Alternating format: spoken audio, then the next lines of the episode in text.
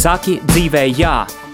Mums ir iedots viss, lai mēs katrs nodzīvotu pilnvērtīgu, piepildītu un skaistu dzīvi. Mums ir jāpasaka jā visam, ko Dievs vēlas mums dot. Mums ir jāpiešķir savai dzīvei deksme un arī dziļums. Jāatrod savs aicinājums, uzdevums un piepildījums. Kā pateikt dzīvē jā? Meklēsim atbildes un mācīsimies to darīt kopā.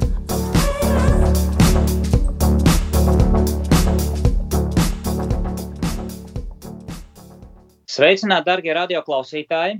Prieks jūs uzrunāt šajā vasarīgajā, tiešām vasarīgajā dienā.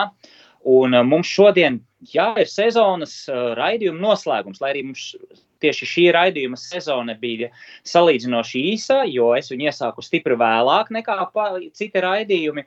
Es domāju, mēs esam atkal nogājuši kādu nelielu ceļa gabaliņu. Uh, tie, kas regulāri klausās, tie, tie, tie, kuriem es esmu ļoti pateicīgs, vai kuri klausās ierakstā, vai vismaz uh, mazliet paklausās. Tā kā mēs esam nogājuši mazu ceļa gabaliņu, un uh, šodien ir uh, pirms vasaras brīvlaika, pirms vasaras brīvdienām mums ir pēdējais raidījums.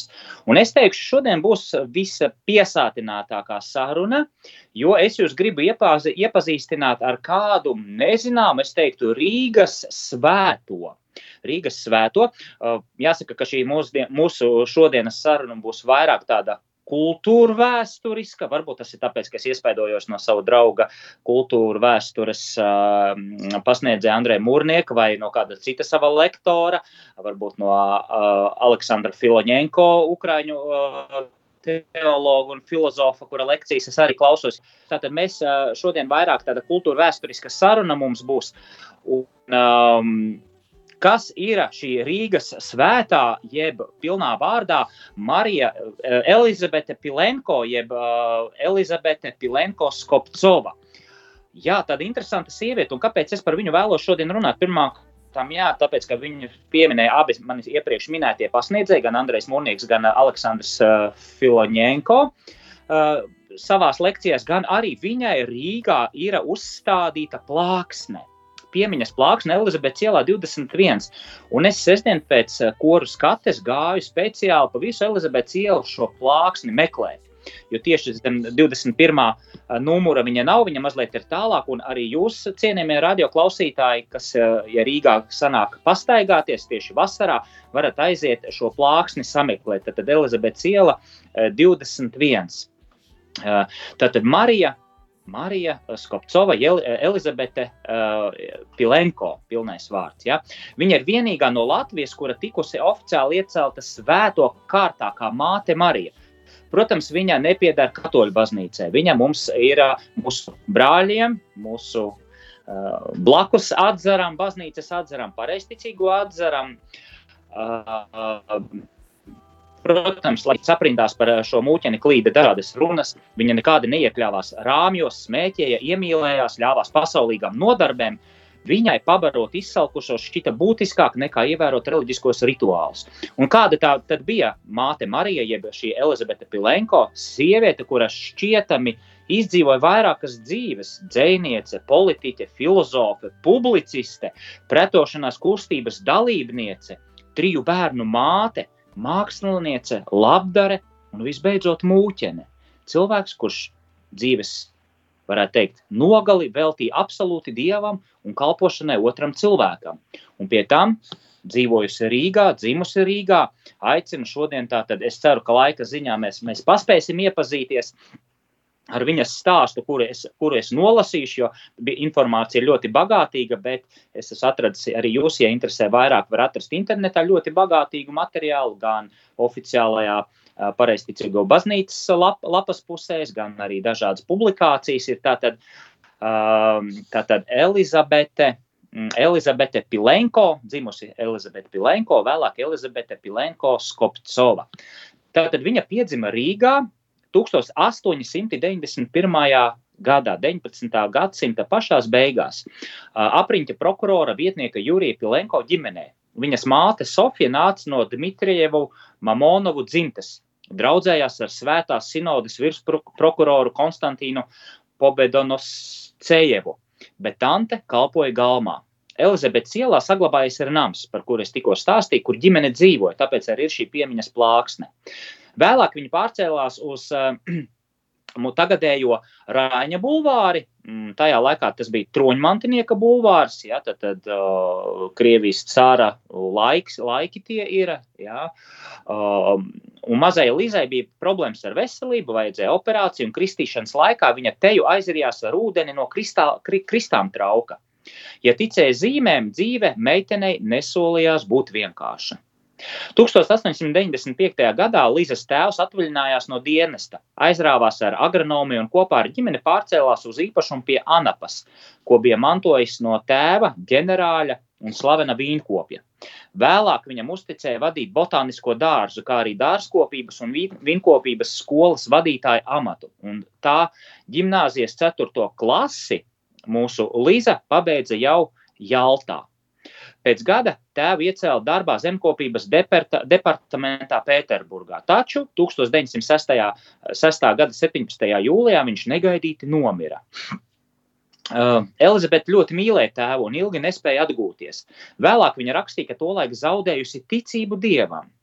Atraitne ar bērniem pār, pārcēlās uz Pēterburgu. Meitene mācījās privātā gimnāzijā, daudz lasīja, labprāt vadīja laiku vietnetnē un rakstīja skumjus, cēlus, dzējoļus. Gadsimta sākumā bija modē dzējot par skumjām. Tāda tendence bija. Ja? Uh, taču 20. gadsimta sākumā. Taču šķiet, ka grūtsirdīgās un domīgās Līzes gadījumā nolemtība, bojā eja un patiesības meklējumi kļuva par daļu no viņas dziļākās būtības. Māsīca Olga viņu nodēvēja par dekadenti ar visu viņas patētisko melanholiju un ticību bezjēdzīgajam. Uh, un šī māsīca Olga, Olga ļoti gribēja Līzu kaut kā iekustināt, tāpēc uzaicināja uz reālu skolas poēzijas vakaru. Tur Līza satika cilvēku, kur, kurš drīz vien uh, viņas pasaulē kļuva par elku. Uh, Toreiz, 20. gadsimta sākumā, poēzijas vakaros bija pieņemts, ka dzinieki dekadenti lasīja dzēju. Un arī šis cilvēks, kuru viņi iepazina, taisns, nedaudz augstprātīgs, ta, uh, lēna, nogurusi metāliska balss. Tumša medustoņa mati, seja kā no viduslaiku kapa pieminekļa, kā no akmens cirsta, skaista un nekustīga. Vēlāk atmiņās rakstīja Līza. Dzējoļi viņu apbūra. Tie dzied manī pašā, tie ir it kā mani dzējoļi. Es jau zinu, ka viņš piekļuvis tam noslēpumam, ap, ap kuru es vēl tikai maldos. Viņa sēdēja kā hipnotizēta, pēc tam čukstus pajautāja, kas viņš ir, par ko iet runa. Aleksandrs Bloks, atbildēja Olga. No rīta izlasījusi bloka grāmatu, Līza ieraudzīja viņā savu otro es, radniecīgu dvēseli, kura zina atbildes uz visiem tiem jautājumiem, jautājumiem kas viņu moka. Viņa uzzināja adresi un aizgāja pie bloka, kā uz ešafotu. Divreiz nesastapa viņu mājās, trešajā reizē istabene atļāva viņai pagaidīt kabinetā. Ienāca bloks. Es nezināju, ar ko sākt. Viņš gaida, nejautā, kāpēc esmu atnākusi. Man ir mokošs kauns, jo īpaši tāpēc, tāpēc, ka es taču galu galā esmu tikai meitene, un viņš var neustvert mani nopietni. Viņai tajā laikā bija 16 gadi, un uh, viņas šim elkam 28 gadi. Abi ilgi sarunājās, tā arī neiedeguši lampu. Pēterburgu nemīlu, rūsgano miglu ienīstu, nespēju tik galā šo rudeni, zinu, ka pasaulē skumjas stundām klīstu pa salām. Visu kā pie bikts stāstīja Līza šim savam jaunajam, varētu teikt, elkam, draugam. Bloks klausījās nopietni un uzmanīgi. Tad sāka spriest par dzīvi. Tolaik viņš bija nelaimīgi iemīlējies un gribēja par to ar kādu parunāties. Līza kaismīgi jūta viņam līdzi. Aizejot, es atstāju tur daļu savas dvēseles. Man tā nebija pa pusē, Man tā nebija pa pusē bērnišķīga iemīlēšanās, drīzāk mātišas satraukums un rūpes, bet vienlaikus ap sirdi kļuva viegli un priecīgi. Viņa rakstīja savā dienas grāmatā. 16 gadi, bet tik pieaugušas izjūtas, rūpes par tiem, kas šķiet vājāki par viņu pašu. Nedēļu vēlāk Līza saņēma vēstuli dzējā. Bloks ieteica neskumt un iemīlēties vienkāršā cilvēkā, kurš zemi un debesis mīl vairāk nekā pantmērā ieturētas vai neieturētas runas par debesīm un zemi. Bet no tādiem kā viņš, mirstošiem, bēgt neatskatoties. Dusmās Līza saplēsa vēstuli, taču dzīvē attiecības netika sarautas. Viņi turpināja sarakstīties gadiem ilgi. Drīz vien Līza iepazinās ar Nikolaju Gumiļevu. Viņš uh, skaitīja viņai dzēju, visādi aprūpēja un pat pamanīja uh, Ahmātovai sarakstītā dzējo, dzējolī. Uh, tas bija nereiz veltījumu, tagad veltot to Lizai. Ahmātova kļuva greizsirdīga un attiecībās starp abām sievietēm vienmēr, attiecības starp abām sievietēm vienmēr palika saspīlētas. 1909. gadā Līza absolvēja gimnāziju ar sudraba medaļu un iestājās kursos vēstures un filoloģijas fakultātes filozofijas nodaļā. Vēl viņa apmeklēja arī dažādas dzinieku un citas radošas tikšanās, iepazinās ar Sergeju Gorecki, Osipu, Osipu Mandelštāmu, pa pusē nopietnais, pa pusē nenopietnais romāns ar Gumīļovu pēc pusgada izčākstēja. Toties dzinieks iepazīstināja Līzu ar juristu Dmitriju Kuzminu Karavājevu. Pēc revolūcijas Dmitrijs kļūst par garīdznieku un tiks izsūtīts ar filozofu, filozofu tvaikoni uh, projām, jā, taču pagaidām viņš ir literātu draugs un viens no dzinieku ceha vadītājiem. Līza ar viņu apprecējās 1910. gadā, būdama uh, 21 gadu veca. Līdz ar to literatūras vēstures sudraba laikmeta vēsturē viņa iegājusi ar uzvārdu Kuzmina Karavājeva. Laulība nebija ilga, taču atstāja dziļas pēdas viņas dzējā, attieksmē pret reliģiju un dzīvi.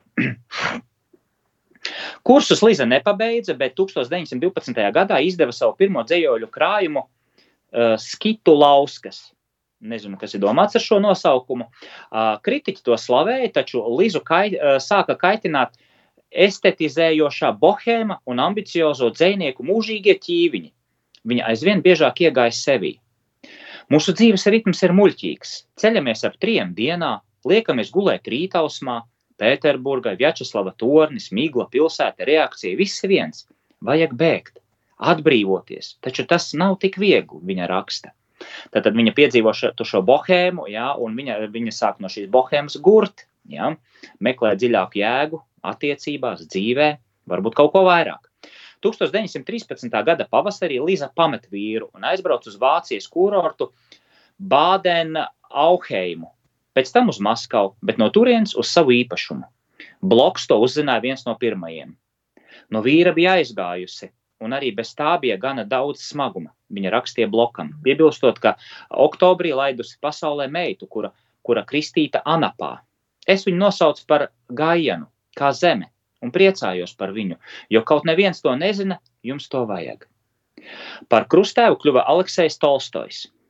Biogrāfi ilgi centās noskaidrot, noskaidrot, kurš ir Gājienas tēvs. Īsajā mātes Marijas dzīves aprakstā viņa nodēvēta par ārlaulības meitu, kaut gan Elizabete tolaik vēl bija oficiāli precējusies. Šķiršanās tika noformēta tikai 1916. gadā, bet par viņas tā laika romāniem nekas skaidri nav zināms. Lūk, viņas vēstule blokam uzreiz pēc dzemdībām. Pēc tam kaut kā zemē pietuvojos un atkal iemīlēju cilvēku un iemīlēju pa īstam, jo zināju, ka jūs esat. Par ko un par kuru viņa raksta? Varbūt Gājienas tēvs ir bloks. Viņu attiecības vienmēr ir bijušas mīklainas, ir arī citas, citas versijas. Slepens romāns ar skolotāju Anapā vai arī kādu citu, kurš vēlāk pazuda Pirmā pasaules kara uh, kaujas laukos. Uh, Anapā Liza pievērsās klusai, zemē pietuvinātai dzīvei, aizrāvās ar teoloģiju. 1914. gadā aizsūtīja blokam dzējoļu krājumu Ceļš un šī dzējoļu krājuma manuskriptu. Saņēma atpakaļ pilnas malas ar piezīmēm un atlika publikāciju. Bet 1915. gadā tika publicēts romāns Juralī, stilizēts pēc evaņģēlija. Pēc gada dzēļo, dzējoļu krājums uh, rute. Tas ir visdrīzāk uh, svešvārds, ja, rūt vai, ja, kurā bija iekļauti daudzi ceļa dzējoļi. Ritēja karš, un tas Lizā radīja nemieru. 1916. gada vasarā viņa saņēma bloka vēstuli, kas bija sūtīta no frontes. Kārā izrādījās ļoti garlaicīgi, kāda spriedzes elle, bet jūsu mīlestība, kas vairs nemeklē, uh, kas vairs nemeklē man jaunas karaļvalstis. Tāds, tādu frāzi viņš uzrakstīja. Līza klīda gar jūru kā pazudus un, rakstīja, uh, un uh, viņam rakstīja.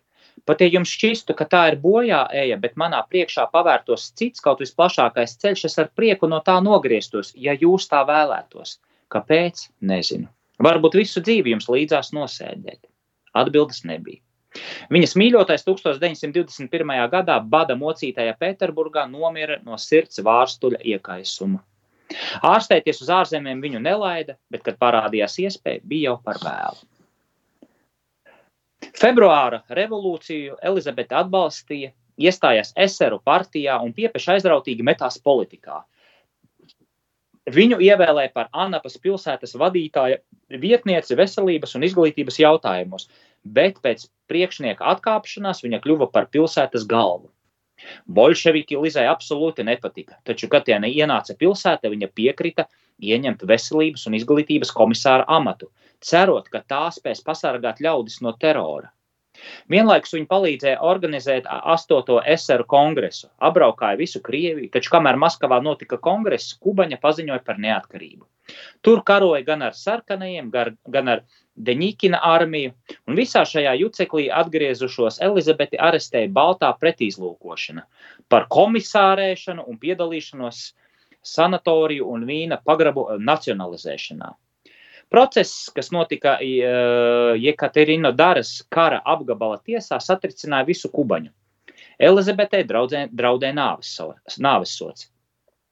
Atklāto vēstuli viņas aizsardzībai paras, parakstīja mm, nu, tādas personības Vološins, Tol, Tolstojs, Vera Inbera. Nu, tad ir jāpēt vairāk vēsturi, lai zinātu, kas ir šīs personības. Ja? Uh, apsūdzēto izglāba prasmīga advokāta, Kubaņas radas deputāta Jurija Korobjina pārdomātā taktika. Lizai tika piespriests vien divu nedēļu arests. Šim tiesas procesam uzmanīgi sekoja līdz pazīstams politiķis, Kubaņas kazaks Daniels Skopcovs. Viņš bija cēlies no nabadzīgas ģimenes, pabeidzis Kubaņas skolotājas semināru, pasniedzis vēsturi Labinskā, mācījies Maskavas Universitātes filoloģijas fakultātē. Pēc atgriešanās iecelts par kara kontrolieri, pēc tam ticis Kubaņas uh, radā un palicis tur, tur arī uh, Deņķina laikā. Nu, mazliet tādi vēsturiski tie šie, šie uh, posmi un, un uh, arī uzvārdi, ja, kas vēsturē orientējas, tad vairāk var papētīt un varbūt, ka zina, ko, ko tas nozīmē. Tas Pirmā pasaules kara laiks. Ja. Apsūdzētās spilgtā personība viņu neieinteresēja, ieinteresēja. Un līdzas advokāts abus iepazīstināja. Tā nu tas ir, ka cilvēki iemīlas visādos laikos. Un 1919. gada 18. novembrī pāris salauzās. Tiesa, prieks nebija ilgs. 1920. gada martā pilsēta ieņēma sarkanie. Daniels kopā ar citiem kubaņas radas biedriem caur Gruziju aizbēga uz Konstantinopoli, bet Liza, kura tobrīd bija gaidībās, kopā ar māti un meitu aizskolās līdz e, Tiflisai, kur laida pasaulē dēlu Juriju. Ģimene atkal apvienojās tikai gada beigās, taču klīda svešumā vēl ilgi. Nācās padzīvot Lemnosas salā, tad strādāt Serbijas jaunbūvēs. Vēl pēc diviem gadiem decembrī Liza laida pasaulē meitu Nastju, un tikai 1923. gadā emigranti tika, tika līdz Parīzei. Tātad viņas šis posms noslēdzās, un viņa sākās viņas posms, dzīves posms Parīzē. Parīzē ģimene dzīvoja dziļā nabadzībā. Un, starp citu, Pirmā pasaules kara laikā ļoti daudzas, ļoti daudz uh, Krievijas inteligence emigrēja tieši uz Eiropu, uz Eiropas centru, uz Parīzi.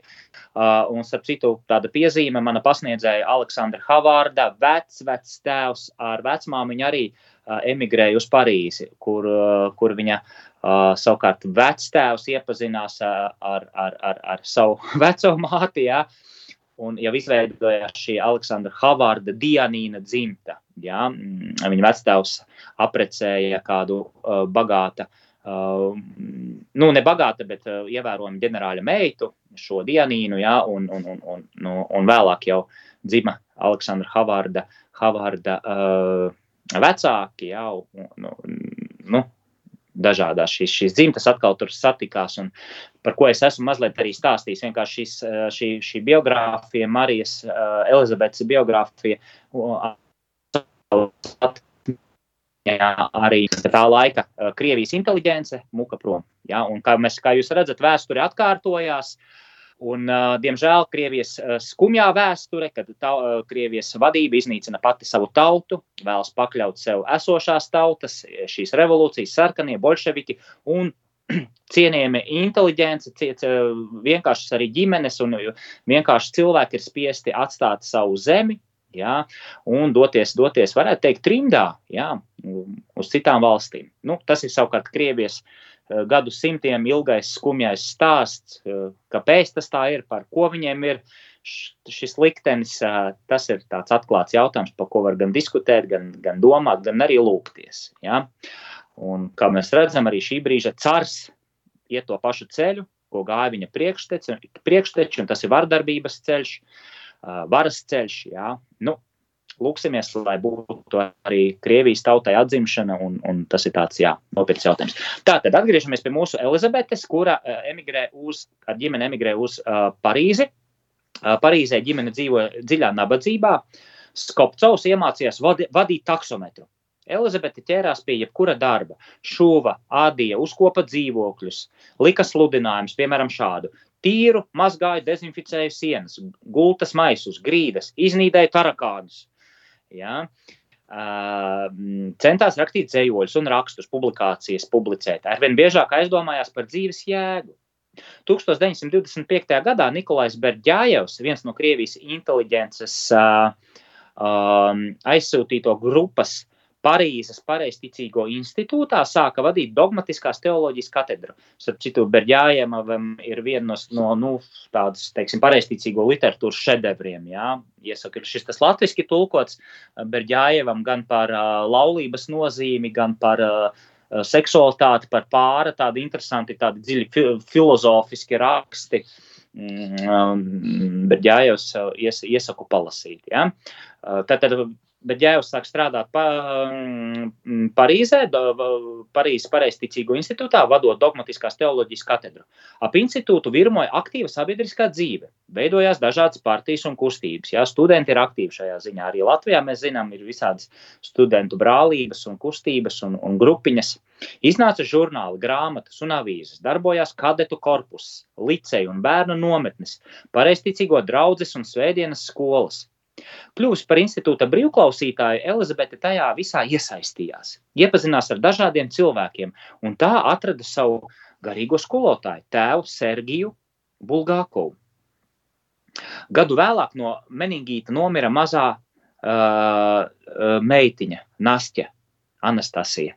Meitiņas nāve satriec Elizabeti. Es gribu īstu un attīrītu ceļu, nevis ticības uh, uh, dzīvībai vārdā, bet lai attaisnotu, saprastu un pieņemtu nāvi. Neradīt neko vairāk par trim vārdiem - mīliet viens otru tikai līdz galam un bez izņēmumiem. Un tad viss ir attaisnots, un visa dzīve ir svētīta. svētīta. Citādi ir riebums un smagums, viņa rakstīja. Un te mēs redzam, ka uh, meitas nāves, kas ir neiedomājama, es domāju, jebkuram vecākam neiedomājama traģika, cik dziļi viņa meklē patiesību. Es varētu teikt, šajā momentā sākas viņas garīgais ceļš.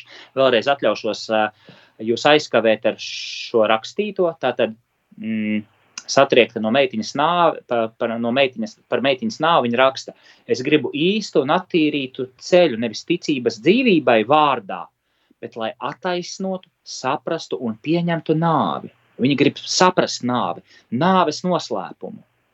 Neradīt neko vairāk par trim vārdiem - mīliet viens otru tikai līdz galam un bez izņēmumiem, un tad viss ir attaisnots un visa dzīve ir svētīta. Citādi ir riebums un smagums. Viņa tā rakstīja. Tā nobrieda vienīgā viņas dzīves jēga kalpot tuvākajam, palīdzēt vājākajam un mīlēt.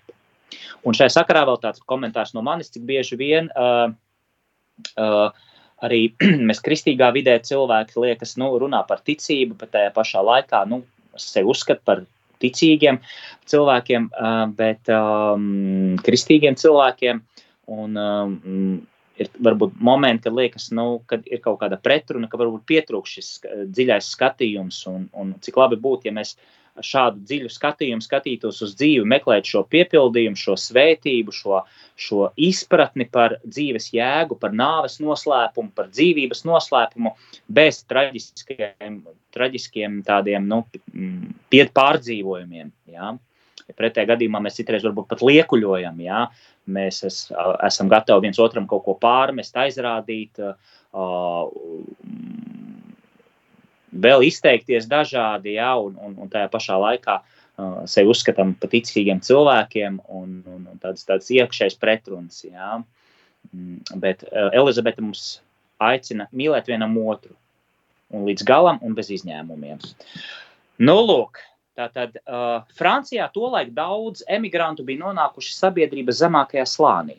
Nu, iebraucēji, ja, protams, cilvēki uh, uh, mūk no kara, uh, līdzīgi kā tagad uh, mūsu Ukraiņas brāļi, uh, tā, šī brāļa tauta, ja, brālīgā tauta, tauta ja, protams, viņiem ir jāizdzīvo, un, un, un lai kāda tev inteliģence, ja citā valstī tu varbūt neesi nekas. Ja. Līza nepagurdama glāba ģimenes no trūkuma. Veselajiem atrada darbu, slimos iekārtoja slimnīcās. Tātad viņa sāk šo sociālo darbu, karitatīvo darbu, bāriņus patversmēs, vecos cilvēkus, veco ļaužu namos. Šajos iestādījumos viņa darīja visu. Mazgāja grīdas, gatavoja ēst, remontēja, kopa slimniekus. Kā studentu kustības padomes biedre braukāja pa visu valsti ar ziņojumiem, tas pa, pa, pa, pa Franciju, ja, kas plūstoši pārgāja garīgās un dvēseliskās sarunās. Elizabete prata klausīties. Uh, un cilvēki stāvēja rindā, lai tiktu pie viņas, kā uz grēksūdzi. Cilvēkiem gribējās izteikties, pastāstīt par bēdām vai, vai sirdsapziņas mokām. Tādos eh, graustos nav jēgas runāt par Dievu, Kristu vai baznīcu. Tur vajadzīga nevis sprediķa, bet pats vienkāršākais - līdzjūtība. Viņa tā rakstīja. Un vai arī mūsu, mūsu bieži vien situācijās, kad mēs gribam liecināt par Dievu, kad varbūt tās arī, mm, es arī esmu domājis, kad ir momenti, kad mums ir vajadzīga praktiska uzklausīšana, vienkārša saruna, kas ir daudz citreiz efektīvāka un caur kuru Dievs pats darbojas, nekā nevis caur mūsu sprediķiem, gudriem vārdiem, izteicieniem vai pareizo nostāju. Reliģiski politkorekta nostāja. Es esmu katolis, un es, es tagad man ir tādi uzskati. Ja? Kā teica viens filozofs, tiklīdz mēs apliecinām uh, savu pārliecību, savu Uh, konfesionālo piedarību, mēs savā ziņā uzsākam kāru, cīņu. Pārliecināt kādu, ka es esmu labāks un pareizāks, jo es esmu katolis. Aicinu katolis par šo jautājumu padomāt. Uh, tātad Elizabete saka, ka uh, graustos nav jēga runāt par Dievu, Kristu vai baznīcu. Tur vajadzīga nevis spredīt, bet pēc vienkāršākais līdzjūtība. Un vēl viens piemērs - mūsu svētā, mūsu uh, katoļu svētā māte Terēza bija tāda pati. Viņa nesprediķoja, viņa gāja, pabaroja uh, tie, tos, kurus ir, ir, ir badā, ņēma uz rokām mirstošos, ap, ap, aprūpēja slimniekus. Nu, ļoti līdzīgi mūsu māte Terēze, ja, visiem iemīļotā svētā. Reiz ogļi, ogļi rači sašuta. Jūs labāk šo netīrību sakoptu, nevis pātarus skaitīt. Elizabete piekrita. Atrotie piedurknes un izmazgāja visas grīdas bet pēc tam visi ilgi sarunājās. Un tā viņai pat izdevās izglābt kādu ogļa, ogļraci no pašnāvības. Nebija iespējams nenoticēt viņas taisnībai, tam, ka absolūti nepieciešams tas, kas tik ļoti kvēloja viņas dvēselē un to dedzināja. Nekad nedzirdēja, ka viņa par kaut ko runātu vienaldzīgi. Atcerējās kāda līdzgaitniece. Darba kļuva arvien vairāk, laika ģimenei atlika aizvien mazāk. Tā viņa pamazām nonāca pie idejas kļūt par mūķeni. Vīrs to saprata, un pārim tika piešķirta baznīcas šķiršanās atļauja. Juridiski viņi palika precēti, taču Daniels, viņš nevis Daniels, bet Daniels, paņēma dēlu pie sevis un sāka dzīvot atsevišķi. Bet Līza 1932. gadā kļuva par mūķeni.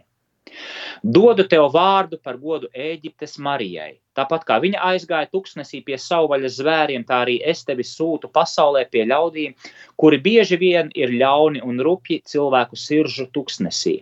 Viņu sveitī metropolīts. Uzvilkusi mūķenes drānas, Elizabete sāka dzīvot teoloģijas institūta cēlē. Es gan nezinu par kādu Mariju, um, jāatzīst, jā, būs jāiepazīstās, kas tā par Eģiptes Mariju. Tā droši vien pareizticīgo baznīcas kāda svētā, ko mēs nezinām. Jā.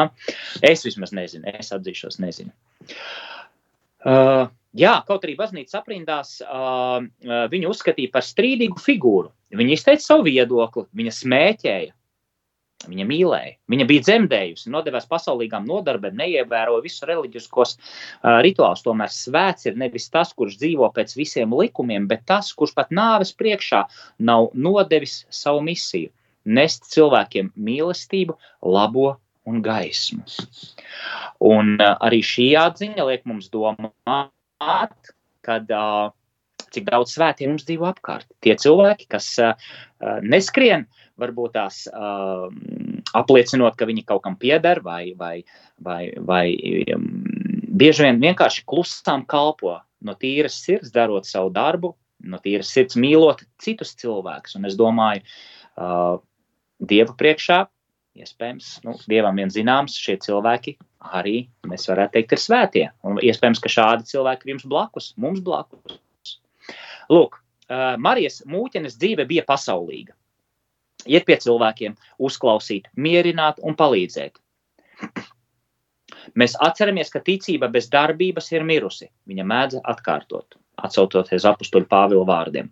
1930. gadā mūķene pabies Somijā, apmeklēja Svētās Trīsvienības klosteri Rīgā un uh, Pihtices debesīs uzņemšanas klosteri Igaunijā, kas arī ir uh, mums iemīļota tāda apmeklējuma vieta. Jā, um, atceros, pirms daudziem gadiem vēl te bildes skatījos ar priesteri Ilmāru Tolstovu braucām tādu jauniešu braucienu uz Pjuhķitas klosteri.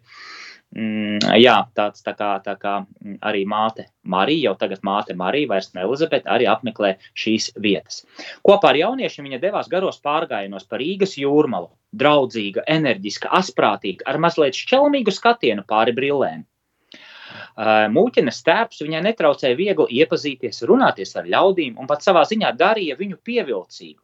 Un viņa nepārtraukti domāja, kā palīdzēt cilvēkiem vairāk, ko vēl izdarīt. Nu, pilnīgi, es teiktu, mātes Terēzes māsa, garīgā māsa. 1932. gada septembrī māte Marija personīgi aizņēmās naudu, noīrēja ēku Parīzē un atvēra tur kopmītni vientuļām sievietēm.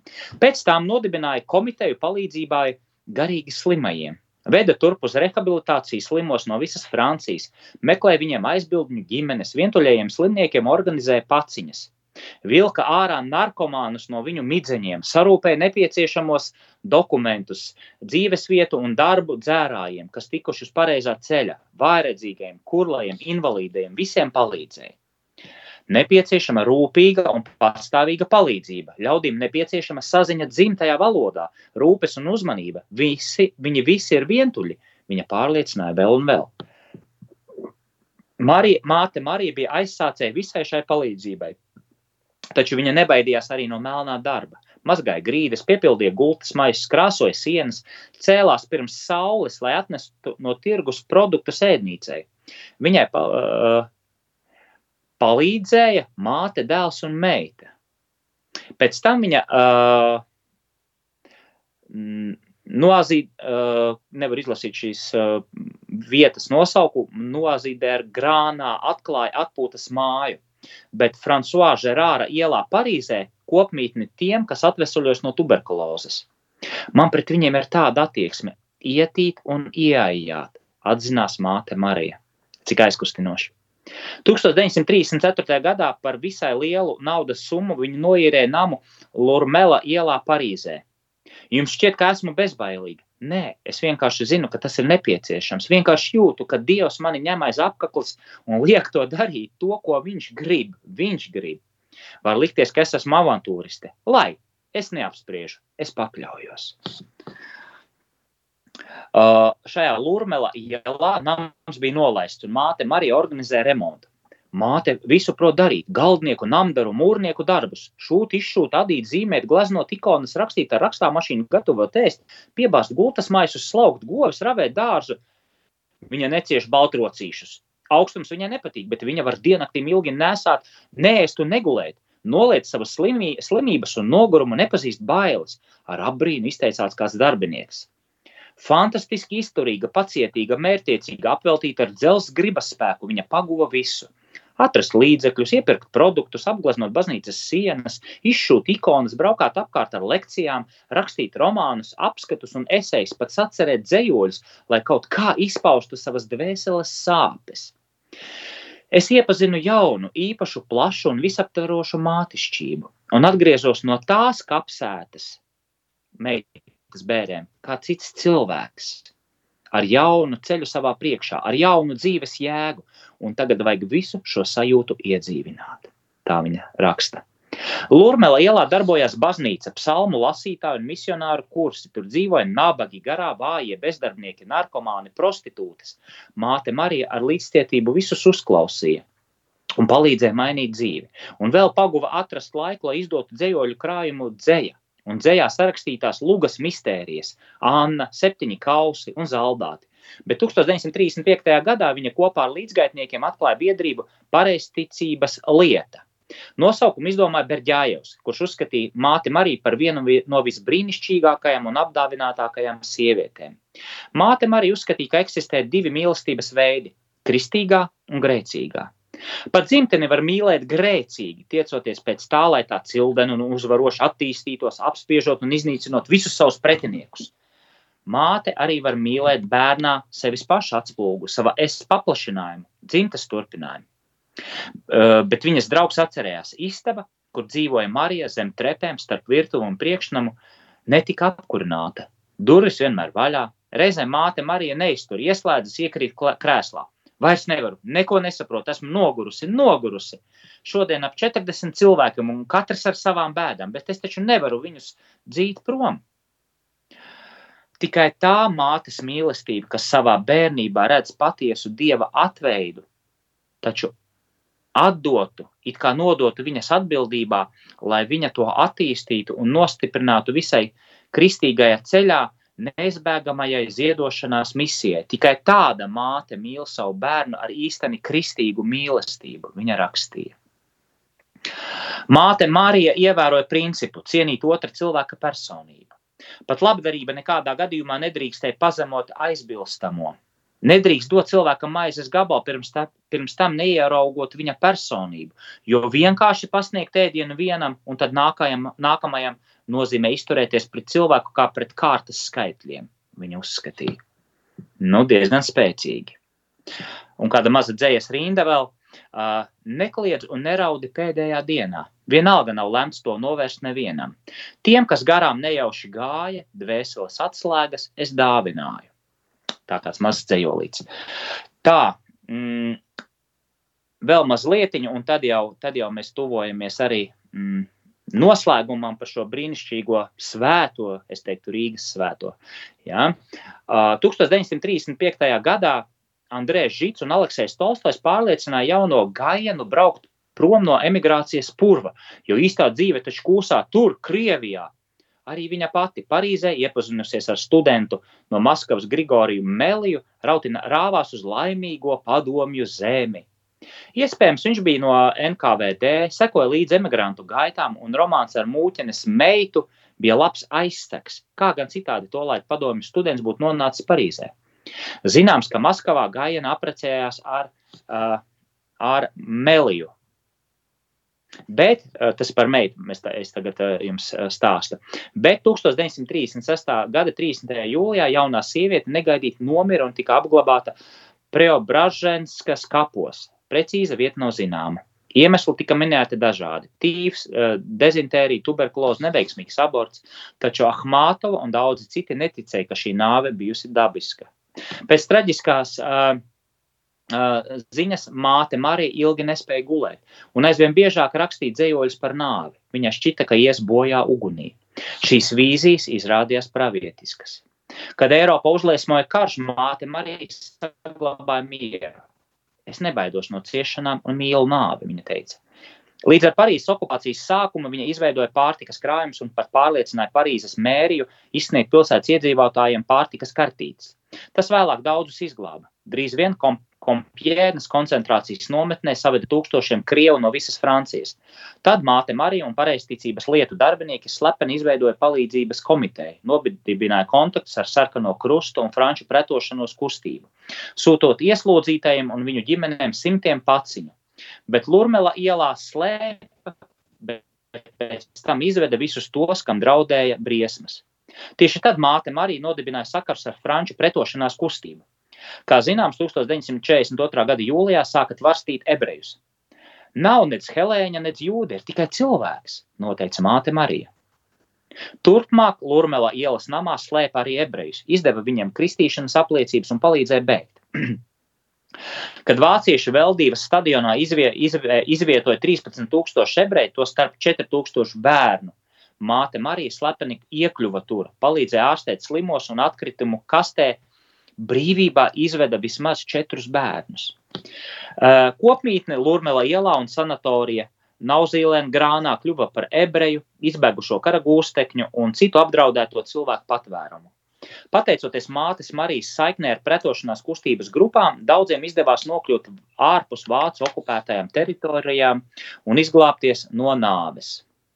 Un tad noslēgumā 1943. gada 8. februārī Lurmela ielas namā ielauzās Gestapo. Pēc kratīšanas Līzas dēlu, Elizabetes, ja, dēlu Juriju Skopcovu un mācītāju tēvu Dimitriju aizveda, aizveda, bet pašai mūķenei atstāja ziņu, ja viņa ieradīsies Gestapo, dēlu palaidīs vaļā. Līza nebūtu līdzi, ja neatnāktu. Viņa atnāca, taču Gestapo Juriju nepalaida. No kompienas vīriešu, no kompienas vīriešu nosūtīja uz Buhenvaldi, bet māti Mariju uz sieviešu nometni Rāvensbrikā. 1944. gadā tēvs Dimitrijs uh, Buhenvaldē nomira no pneimonijas. Jurijs izdisa Buhenvaldes filiālē, koncentrācijas nometnē Dorā Mitelbavā. Savukārt māte Marija savā nometnē atbalstīja visus, kā vien spēja. Stāstīja par revolūciju, lasīja un tulkoja evaņģēliju, un raugoties uz krematoriju skursteņiem, teica nomocītajām, nomocītajām līdzgaitniecēm. Tikai šeit, virs paša skursteņa, dūmu mutuļi ir drūmi. Paceļoties augstāk, tie pārvēršas vieglā mākonī, līdz izvējojas pavisam. Tā arī mūsu dvēseles, atšķīrušās no grēcīgās zemes, vieglā debesu lidojumā, aiziet mūžībā un citā priecīgā dzīvē. Vienīgā atklātnē, kas atceļoja no koncentrācijas nometnes, viņa rakstīja mātei: Esmu stipra un spēcīga. Vēl Rāvens Brikā viņa citām sievietēm stāstīja, ka pēc atbrīvošanas uzrakstījis grāmatu par koncentrācijas nometni, bet 1944. gada 16. aprīlī lieldienās izrotāja savas barakas logus ar mākslinieciski izgrieztiem papīra rotājumiem. Zināms, ka ieslodzījuma laikā viņa strādāja pie vismaz diviem izšuvumiem, iemainot jau tā trūcīgo maizes devu pret diegiem. Vienā izšūmā, tie gan nav saglabājušies, bijusi atti, atti, attainota jaunava Marija ar mazo Jēzu. Māte Marija bija radoša visu savu mūžu, turklāt rad, radīšanu saprata ļoti plaši. Viņa uzskatīja, ka dvēseli glābšana ir arī radošs, baznīcā realizējams process. Tā vai citādi māksla bija katras viņas dienas daļa. Krievijā viņa bija zināma kā dzēniece un māksliniece. Parīzē ar viņas gleznojumiem, ikonām un izšūmiem tika rotātas baznīcas. 1945. gada 31. martā māte Marija apzināti iegāja gāzes kamerā, citas sievietes vietā. Esmu pilnībā padevīga ciešanām, un, ja es nomiršu, tajā saskatīšu svētību no augšas. Viņa lūdza nodot ziņu tiem, kas brīvībā. Nedēļu vēlāk nometni atbrīvoja. 2004. gadā Elizabete Pilenko, pēc pirmā vīra Kuzmina Karājeva, pēc otrā Skopcova Konstantinopolis patriarchāts kanonizēja kā svēto uh, dižmocekli māti Mariju.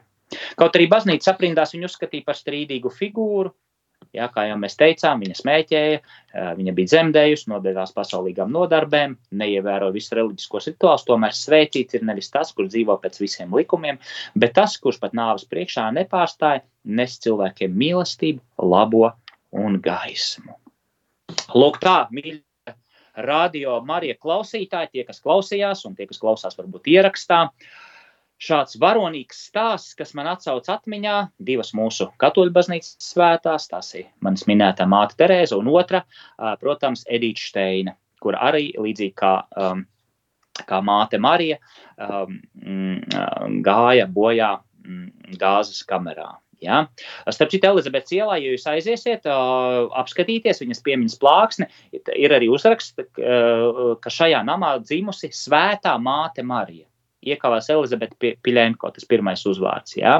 Gan angliski, latviski, angliski un krieviski. Uh, Jā, jūs paši varat materiālus, kā jau es sākumā minēju, atrast. Ir citāti viņas, um, daudz, es neaizkavēšu jūsu laiku. Noslēgumā tikai viens tāds, kā, kā, vienmēr, tāds um, mazliet polifonisks skaņdarbs, šoreiz ne no renesanses laikmeta, bet šoreiz Gabriels Forē, mm, Žana Rašē dziedājums. Un uh, skaņdarbs arī ir ļoti, ļoti skaists. Uh, par vārdu, kurš nāk no augšienes, kas ir mūsu cerība, uh, kas dod mums uh, piedzīvot uz zemes jau debesis, mūžīgo dzīvi, mm, kas pārtrauc salauž klusumu un piedod, dod dāvā mums mierpilnu nakti, mūsu dievišķais aizstāvis. Mm, jā, Tātad uh, Voices 8, viens no pasaulē šī brīža top vokālajiem ansambļiem, arī šoreiz ar nelielu simfonisku orķestrīti, Gabriels Forē, Žana Rošē, ja es pareizi izrunāju dziedājums. Es ar jums, no jums atvados, sekojiet radio Marija līdzi informācijai, klausieties ierakstus vasarā, izceļš raidījuma, saki dzīvē jā, un tad ar jaunām, jaunām iedvesmojošām lietām mēs ar jums tiekamies jau jaunajā sezonā. Un, ja kādam ir kādi jautājumi, komentāri un kā vienmēr ierosinājumi, ko es parasti gaidu, tad lūdzu droši sazināties ar maniem, jebkuros sociālos tīklos, vai rakstot uz Radio Marija e-pastu, vai kā savādāk, veltot, pieminot mani, ka jūs man gribat kādu ziņu nodot. Es vienmēr būšu priecīgs un arī gatavojoties nākamajai sezonai, ņemšu vērā jūsu ierosinājumus, jautājumus, domas, pārdomas. Lai jums skaista vasara, lai sveitīgas, sveitīga katra diena, no sirds pateicos un uz tikšanos. Paldies! Saki dzīvē jā. Mums ir iedots viss, lai mēs katrs nodzīvotu pilnvērtīgu, piepildītu un skaistu dzīvi. Mums ir jāpasaka jā visam, ko Dievs vēlas mums dot. Mums ir jāpiešķir savai dzīvei deksme un arī dziļums. Jāatrod savs aicinājums, uzdevums un piepildījums. Kā pateikt dzīvē jā? Meklēsim atbildes un mācīsimies to darīt kopā.